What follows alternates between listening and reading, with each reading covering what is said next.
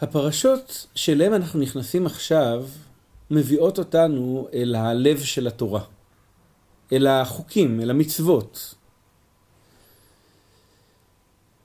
כל קטע וקטע של חוק כמעט מקבל כותרת של וידבר השם אל משה לאמור. כלומר, מצוות התורה הם במפורש מה שהקדוש ברוך הוא רוצה לומר למשה, רוצה לומר לנו. וממילא יש למצוות מעמד עליון וחשיבות יתרה. המעמד הגבוה הזה של המצוות יכול לעורר בנו שאלה, והיא מה תפקידם של המצוות בעצם בעולם? לשם מה ניתנו חוקי התורה, ומה היה המצב בעולם לפני מתן תורה? רמב"ן, בדרשה בשם תורת השם תמימה, שכפי הנראה הוא דרש במהלך שבת שהייתה תוך כדי ויכוח שהיה לו עם המומר פאולוס קריסטיאני, מסביר על מעמד התורה ואומר כך: וצריכים אנו לשאול ולפרש מהו היקר והכבוד הזה, ומהי החוכמה הגדולה הזו שבתורה. והלא נראית שפשוטה היא, שאפילו התלמידים קוראים בה ויודעים אותה, ואפילו האומות העתיקו אותה ולמדוע. ועוד שמעצמם יש להם נימוסים וחוקים נראים קרובים לחוקי התורה ולמשפטיה. שואל רמב"ן, מה כל כך מיוחד בחוקים האלה של התורה? הרי מביטים ימינה, מביטים שמאלה, ונתקלים בחוקים שנראים די דומים לחוקי התורה ולא רעים באופן מיוחד. תשובה, תחילת כל דבר עליך לדעת שכל מה שהנבראים יודעים ומבינים, כולם פירות התורה הם או פרי פירות שלה. ואלמלא התורה אין בין אדם לחמור שהוא רוכב עליו כלום. אומר רמב"ן, ברור, אתה רואה אנשים שיש להם דעת ויש להם חוק, את זה הם למדו מהתורה. או למדו ממישהו שלמד מהתורה. אבל בלי זה, הם היו כמו חמורים. וכן תראה היום באומות הרחוקות מארץ התורה והנבואה, יושבי הקצוות. כלומר, השבטים הברברים. כי האדם בתולדתו בלא מלמד כבהמה. אין אצלו מצווה, ולא אווירה, ולא דעת, ולא חשבון, ואין אצלו שום מעשה טוב ונרצה יותר מאחר. נמצא שהכל שווה אצלו כמו שהוא שווה אצל הבהמות.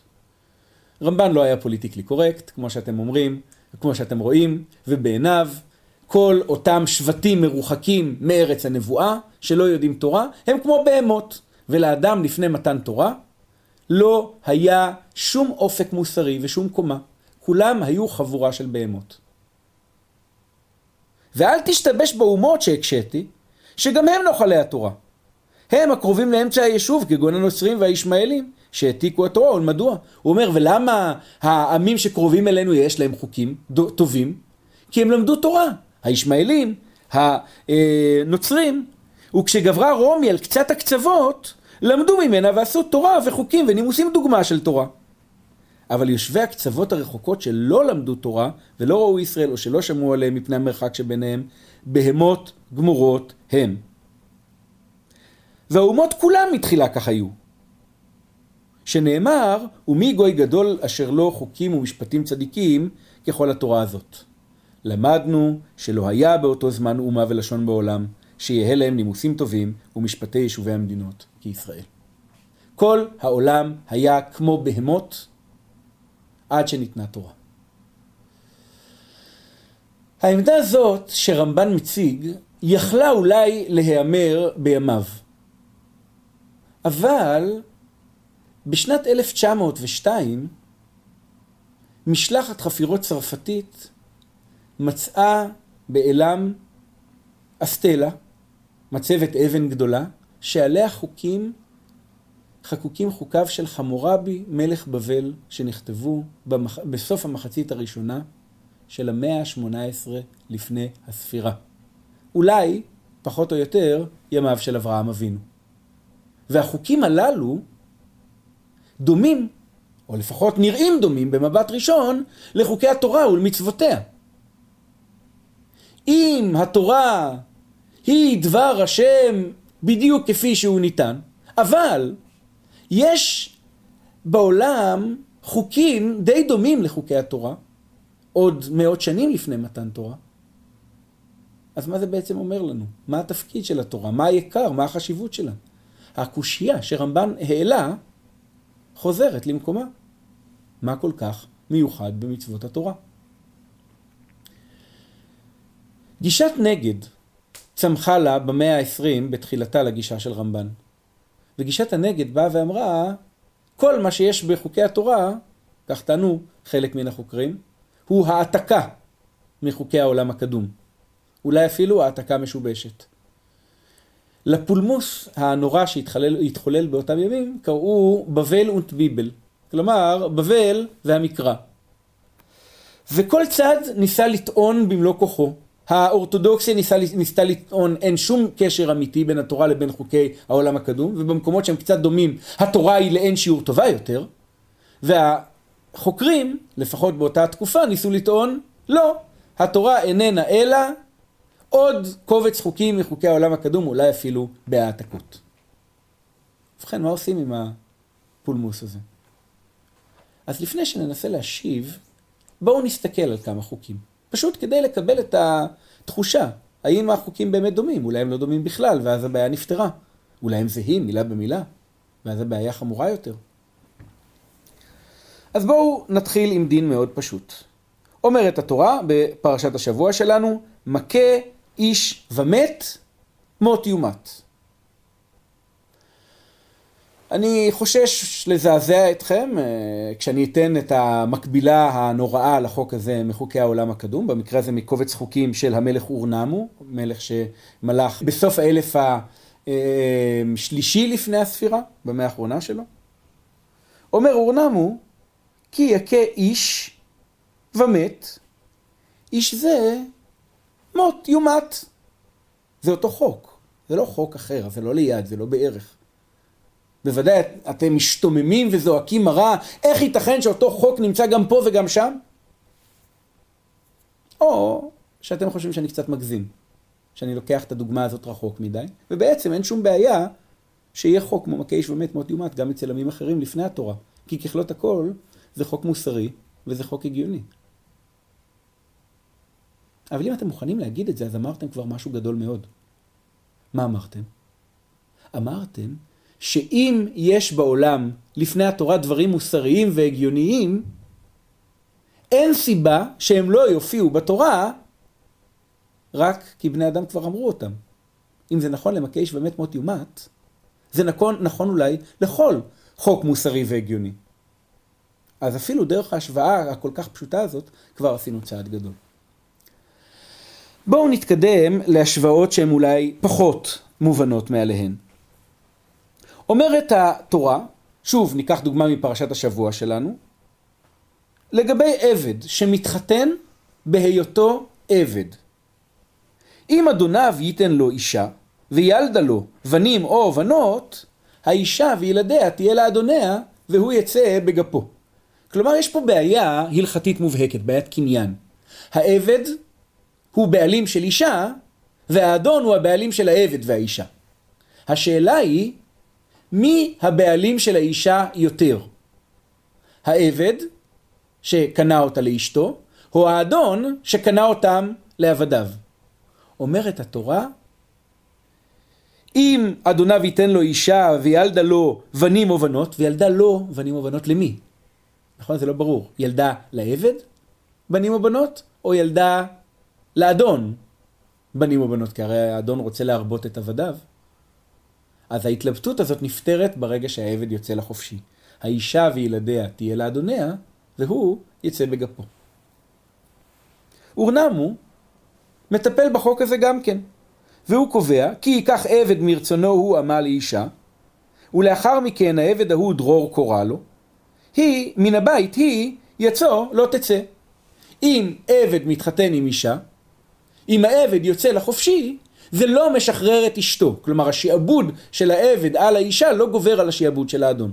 עכשיו, פה זה מוסרי, זה הגיוני, בהנחה שאנחנו מוכנים ללכת עם הרעיון של עבדות, אבל זה כבר לא מובן מאליו כל כך. ובכל זאת, יש לזה מקבילה גם בתורה וגם בחוקי העולם הקדום.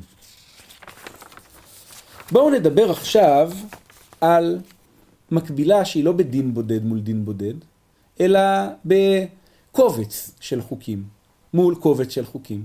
שוב ניקח דוגמה מפרשת משפטים, מפרשת השבוע שלנו. אומר לנו חמורבי, נתחיל מהמקבילות, בחוק 250. שור בהולכו בחוצות העיר, כי ייגח איש וימיתו, הדין ההוא אין בו עילה לתביעה. כלומר, אם שור, שור הולך ברחוב ונוגח מישהו והורג אותו, אי אפשר לתבוע את הבעלים. איזה חוק מוזר זה? למה צריך לחוקק חוק שאומר שאין פה חוק? אז התשובה הבסיסית ביותר היא שאם השור של מישהו הרג חס וחלילה בן משפחתך, אתה תרוץ אחרי ראשו של בעלי השור. אומר החוק לא. בעל השור לא אשם בכלום. למה הוא לא אשם? אז התשובה היא פשוטה. מותר לשברים להסתובב במרחב הציבורי. בעל השור לא יכול לעמוד ולהחזיק בקרניים של כל אחד משבריו. אם שור נגח, הוא לא אשם, הוא לא יכול לעשות שום דבר כדי למנוע את זה.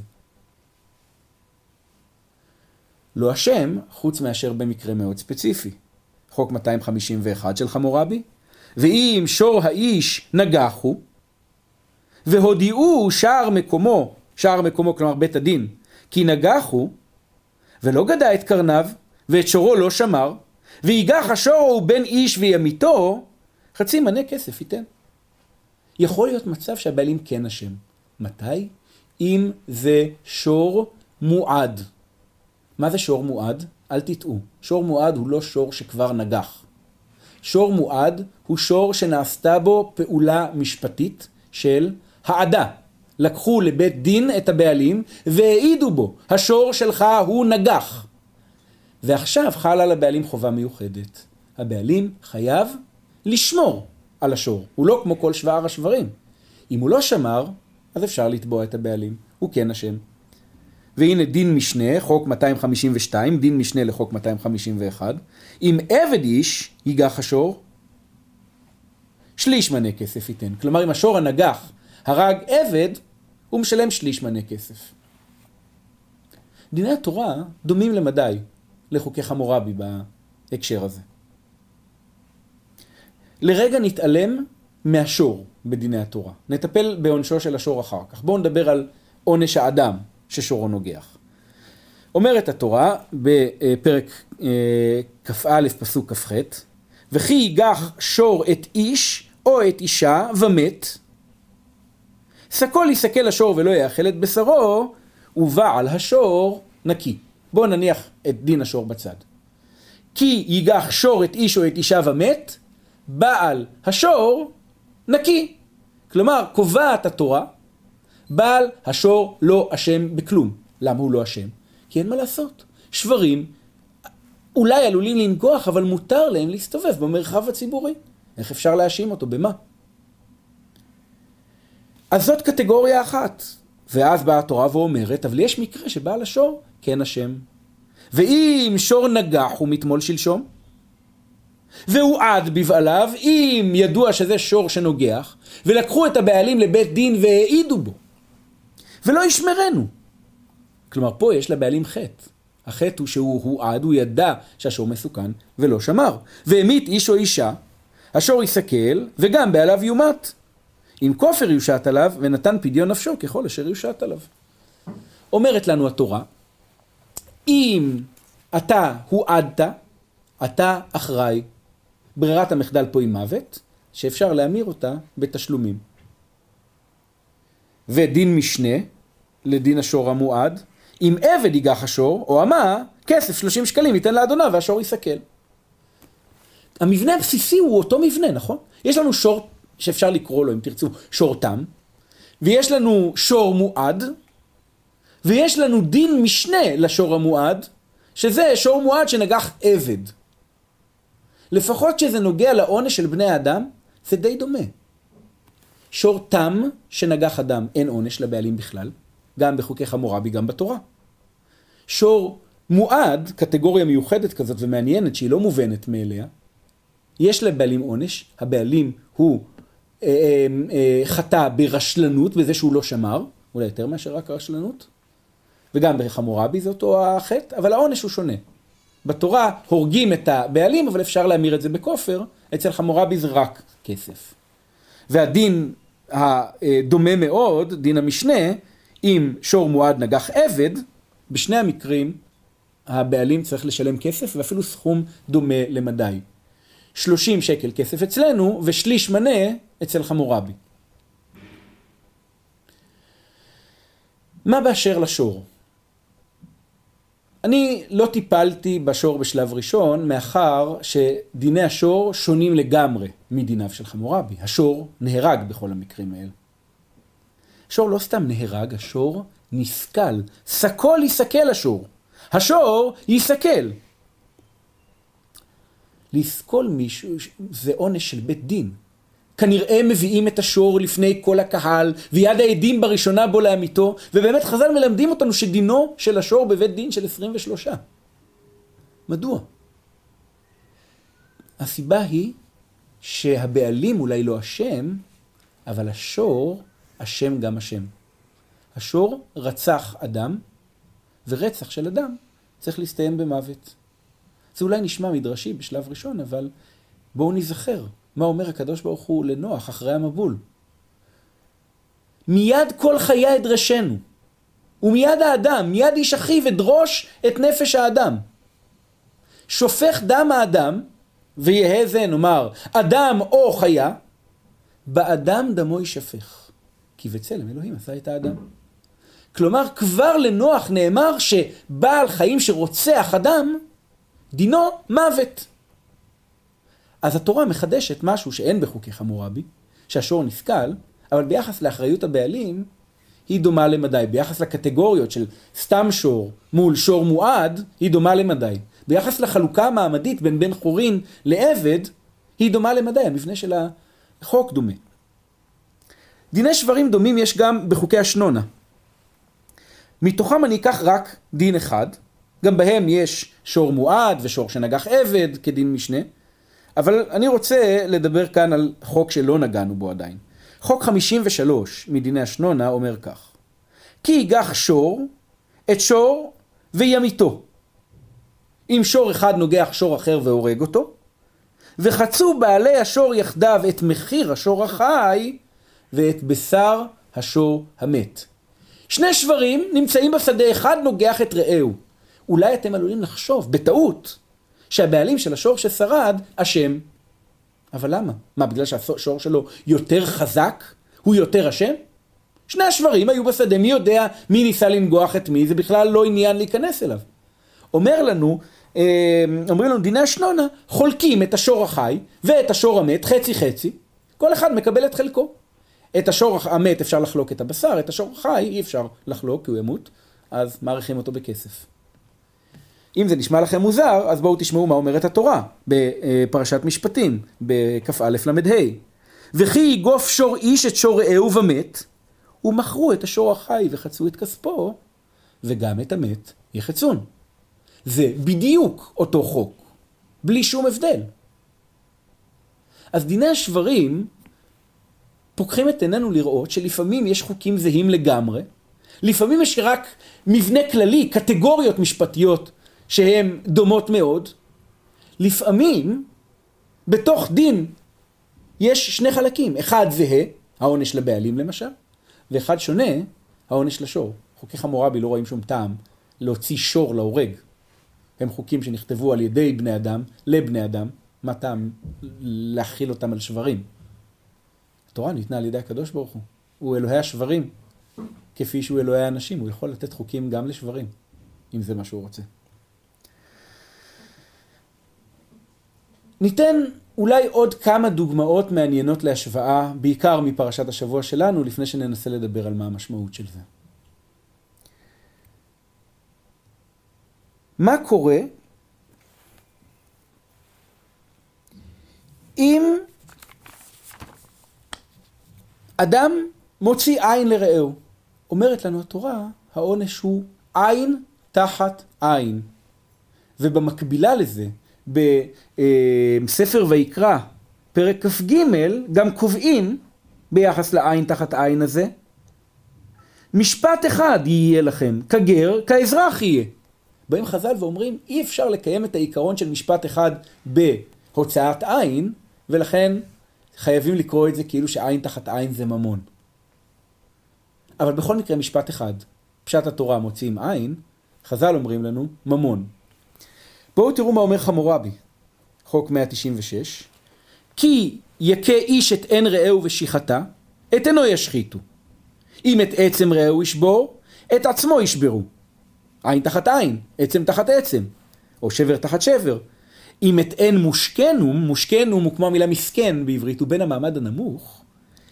אם את עין מושכנום ישחית, או עצם מושכנום ישבור, אחד מנה כסף ישקול. שתי אפשרויות, עין תחת עין זה רק לבן המעמד הגבוה. בן המעמד הנמוך יקבל כסף. אין פה משפט אחד. אצלנו יש שן תחת שן, חוקי חמורבי, חוק 200, כי יפיל איש את שן רעהו במעמדו, את שינו יפילו.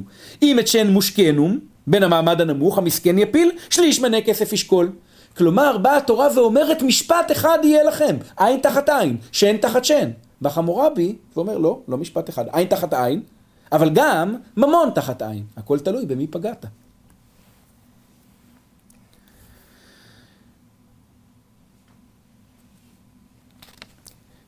אולי דוגמה אה, אחרונה מן הפרשה שלנו. דין הבא במחתרת, שמופיע בשמות כ"ב א', קובע שאם פורץ מנסה לפרוץ לביתך, אם במחתרת יימצא הגנב, והוכה ומת, אין לו דמים. אם זרחה השמש עליו, דמים לו. זה מה שאפשר לקרוא לו במונחים של ימינו חוק שי דרומי. לא שהורגים פורץ, גם אם הוא בא במחתרת, אלא אם היה פורץ שבא במחתרת והרגת אותו, אתה לא רוצח, זה הכל. חמורבי חושב אחרת. בחוק 21 של חמורבי, כי יחתור איש לתוך בית רעהו, לנוכח המחתרת ההיא ימיתו ויתלו. ובתרגום אחר, במחתרת ההיא יומת ושם ייקבר. שזה אפילו עוד יותר אפקטיבי מהשלט זהירות כלב נושך. אתה מניח שלט, פה נקבר הקודם שניסה לפרוץ לבית הזה. לא רק שהורגים את הבבא, כלומר הנסיבות הן מאוד דומות, אבל העונש שונה בצורה מהותית. אז התחושה היא שיש זיקה, אבל זה פשטני מדי להגיד שזאת העתקה. ומצד שני זה גם פשטני מדי להגיד, חוקי אלוהים נופלים לתוך העולם כרעם ביום בהיר, ואין שום קשר בינם לבין מה שקרה קודם. האמת היא שלא צריך היה את חוקי העולם הקדום כדי להגיע לתודעה הזאת. התורה הרי לא ניתנת לפני בריאת העולם. היא גם לא ניתנת לאדם הראשון, או לנוח. התורה ניתנת כחלוף דורות רבים.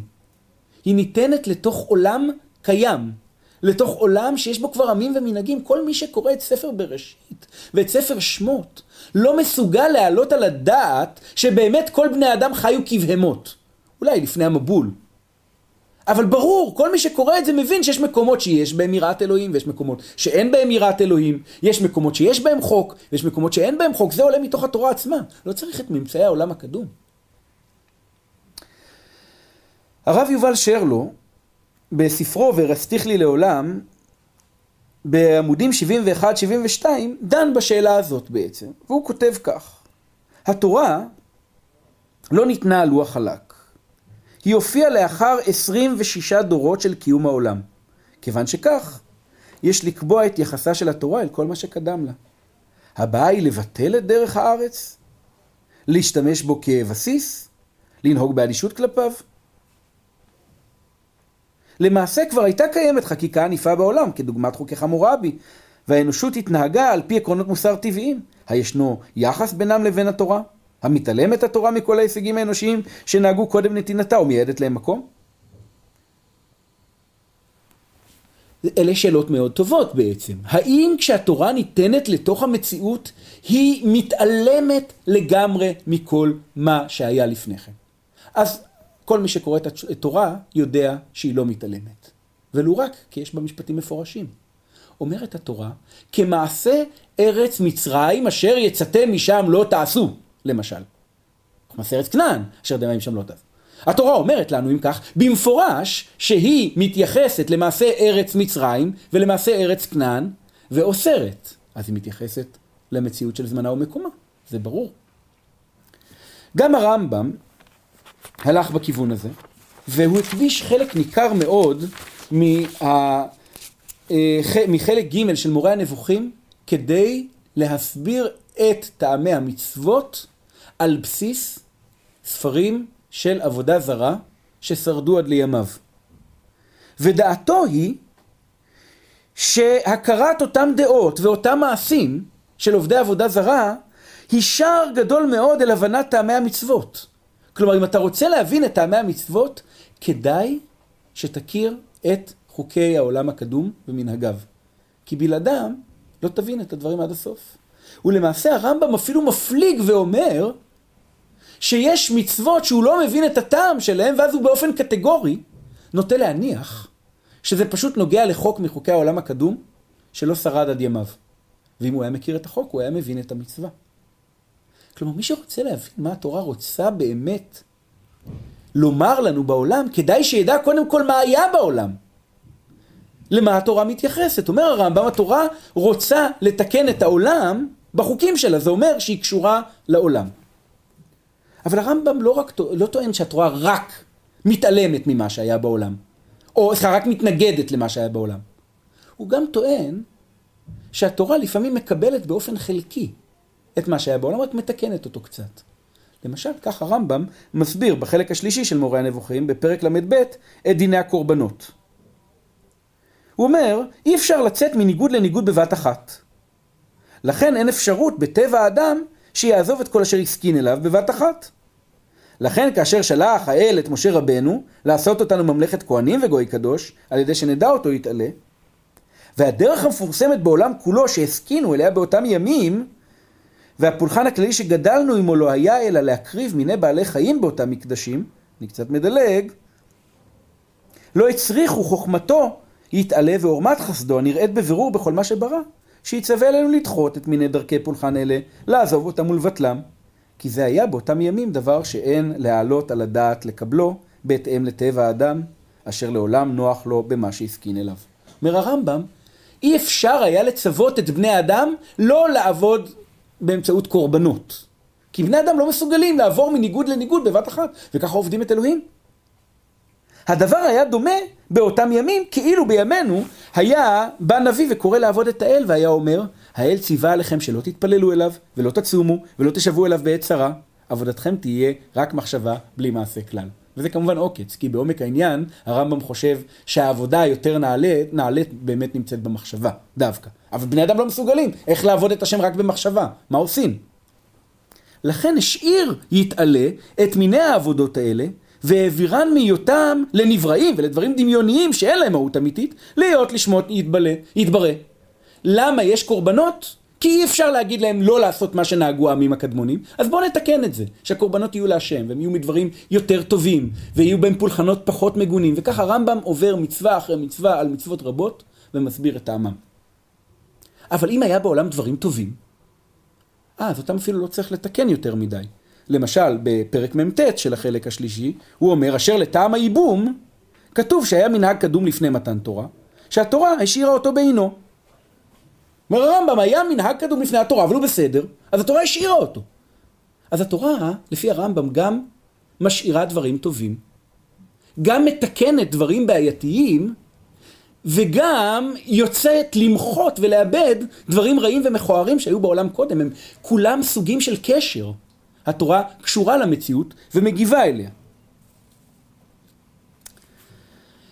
גם הרב קוק הלך בדרך הזאת, ובפסקה מדהימה, לא פחות, שאפשר למצוא בחיבור שיצא גם תחת השם פנקס מתקופת בויסק, וגם תחת השם לנבוכי הדור,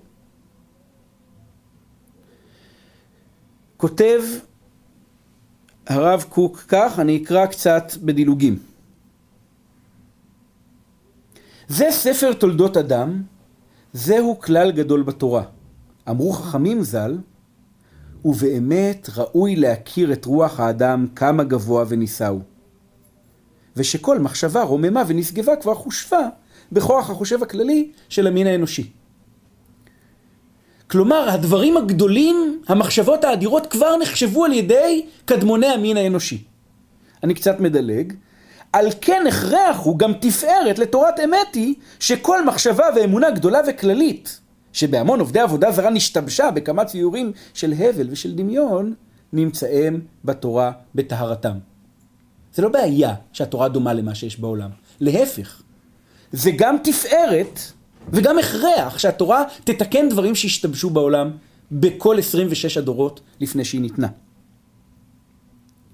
ואני קצת מדלג שוב. על כן רק בטלנות היא לחשוב שאם נמצא דברים בתורה, מדעות, מציורים וממצוות שדוגמתן יימצאו בימים היותר קדומים, לומר על ידי זה שהדבר מעלה טינה בלב, בלב לעניין קדושתה של התורה? חלילה. הוא אומר, אנשים חושבים שזה בעיה לקדושה של התורה, שיש לפני התורה את החוקים האלה כבר? הוא אומר, זאת רק בטלנות לחשוב מחשבות כאלה. להפך, בוודאי שהדברים האלה היו קיימים קודם, וחלק הרוב מעשרת הדיברות הם כאלה, הוא כותב.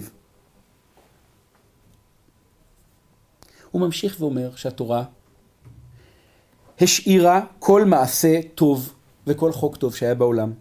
היא בררה את החלקים הראויים להישאר, וגם, דבר שמודגש אצל הרב קוק יותר מאצל הרמב"ם, הוסיפה דברים שהיו חסרים.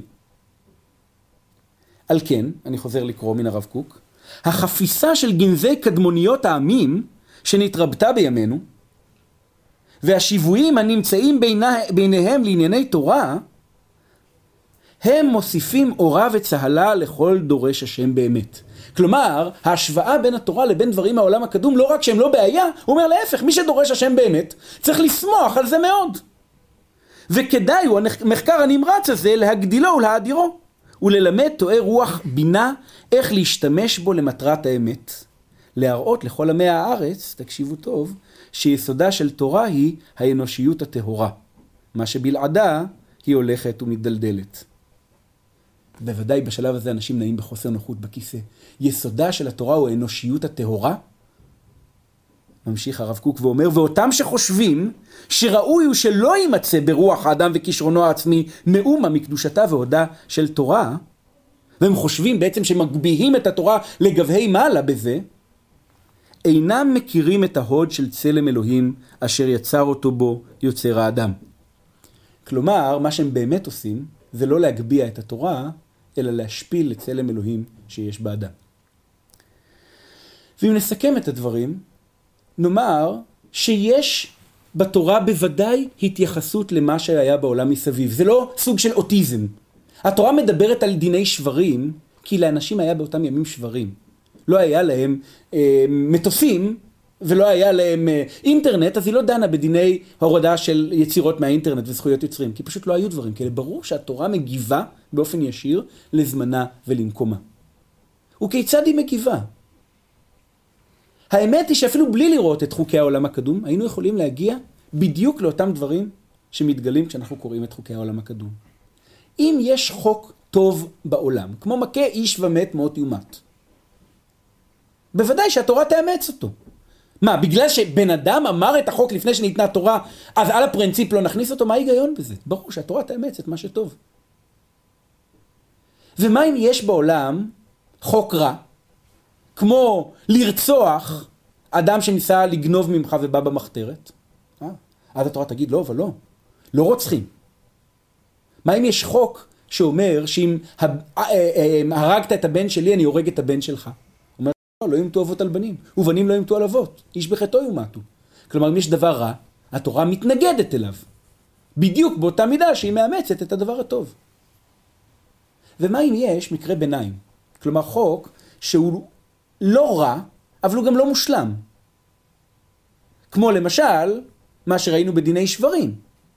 אז התורה תתקן אותו. היא תגיד, הטענה להגיד ששור תם שהרג אדם, אי אפשר לתבוע את הבעלים, היא טענה נכונה. אבל חייבים, תאמר לנו התורה, להוסיף משהו. השור עצמו חייב למות, כי זה חסר. כבר אמרנו שלושה דברים. מה שטוב בעולם, התורה מאמצת. מה שבעייתי, התורה מתקנת, ומה שרע, התורה נלחמת נגדו. אבל שלושת הקטגוריות האלה ביחד לא מקיפות את רוב החלק של התורה. כי יש גם קטגוריה רביעית, והיא מה שאין בעולם. חוק שמעולם לא ניתן. למשל, מה עושה אדם שרואה את חמור שונאו רובץ תחת מסעו? קבצי חוקים בעולם, גם עד ימינו, לא יטרחו להגדיר שלאדם יש חובה כזאת. חמור שלך רובץ תחת מסעך, תתקשר לגרר. למה אני צריך לדאוג לך? באה התורה ואומרת, גם אחרי המוסר האנושי, וגם אחרי הדעת, וגם אחרי החוק האנושי, גם אחרי שמקבלים את הטוב ומתקנים את הבעייתי ונלחמים ברע, עדיין נשאר מקום מאוד מאוד גדול לתורה, וזה לחדש את מה שאינו, להשלים את החסר. והחלק הגדול של חוקי התורה נמצא דווקא שם.